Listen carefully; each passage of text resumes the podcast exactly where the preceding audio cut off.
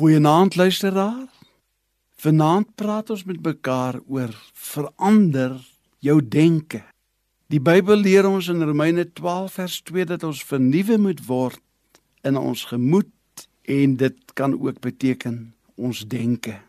Josua 1 vers 8 sluit hierby aan: Hierdie wetboek mag nie uit jou mond wyk nie, maar bepeins dit dag en nag, sodat jy daarin nou gesed kan handel wat daarin geskrywe is en dan sal jou weer voorspoedig wees en dan sal jy met goeie gevolg handel. Denke en bepeinsing speel 'n geweldige rol in mense se lewe. Dit is onderliggend aan baie menslike aksies en wisselwerkinge en verskillende emosionele en sielkundige prosesse. Denke verwys na idees of 'n aantal idees wat die gevolg is van 'n kognitiewe proses. Die wetenskap kon nog nooit die dieptes van die menslike denke effektief bepaal nie. Dit is bekend dat daar geen misdaad gepleeg kan word voordat dit nie bedink word nie. Gedagtes is in werklikheid dade in geboortestadium. 'n Mens se gedagtewêreld word gekondisioneer om bepaalde oortuigings, normes en waardes te hê.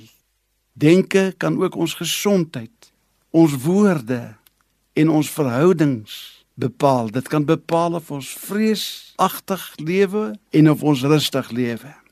Dit kan ons minderwaardig laat voel of dit kan ons nederig en opreg met waarde deur die lewe laat gaan.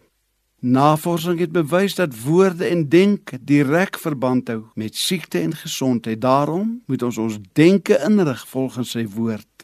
Ons moet sy woord bepeins Dit sal ons lewe verseker verander want Filippense 4 vers 8 sê verder broeders, alles wat waar is, alles wat eerbaar is, alles wat regverdig is, wat rein is, wat lieflik is, watter deeg, watter lof daar ook mag wees, bedink dit wat jy geleer en ontvang en gehoor het en my gesien het, doen dit en die God van vrede sal met julle wees.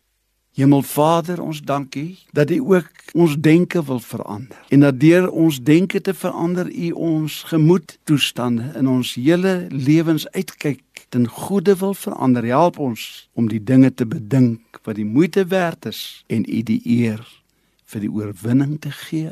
Amen.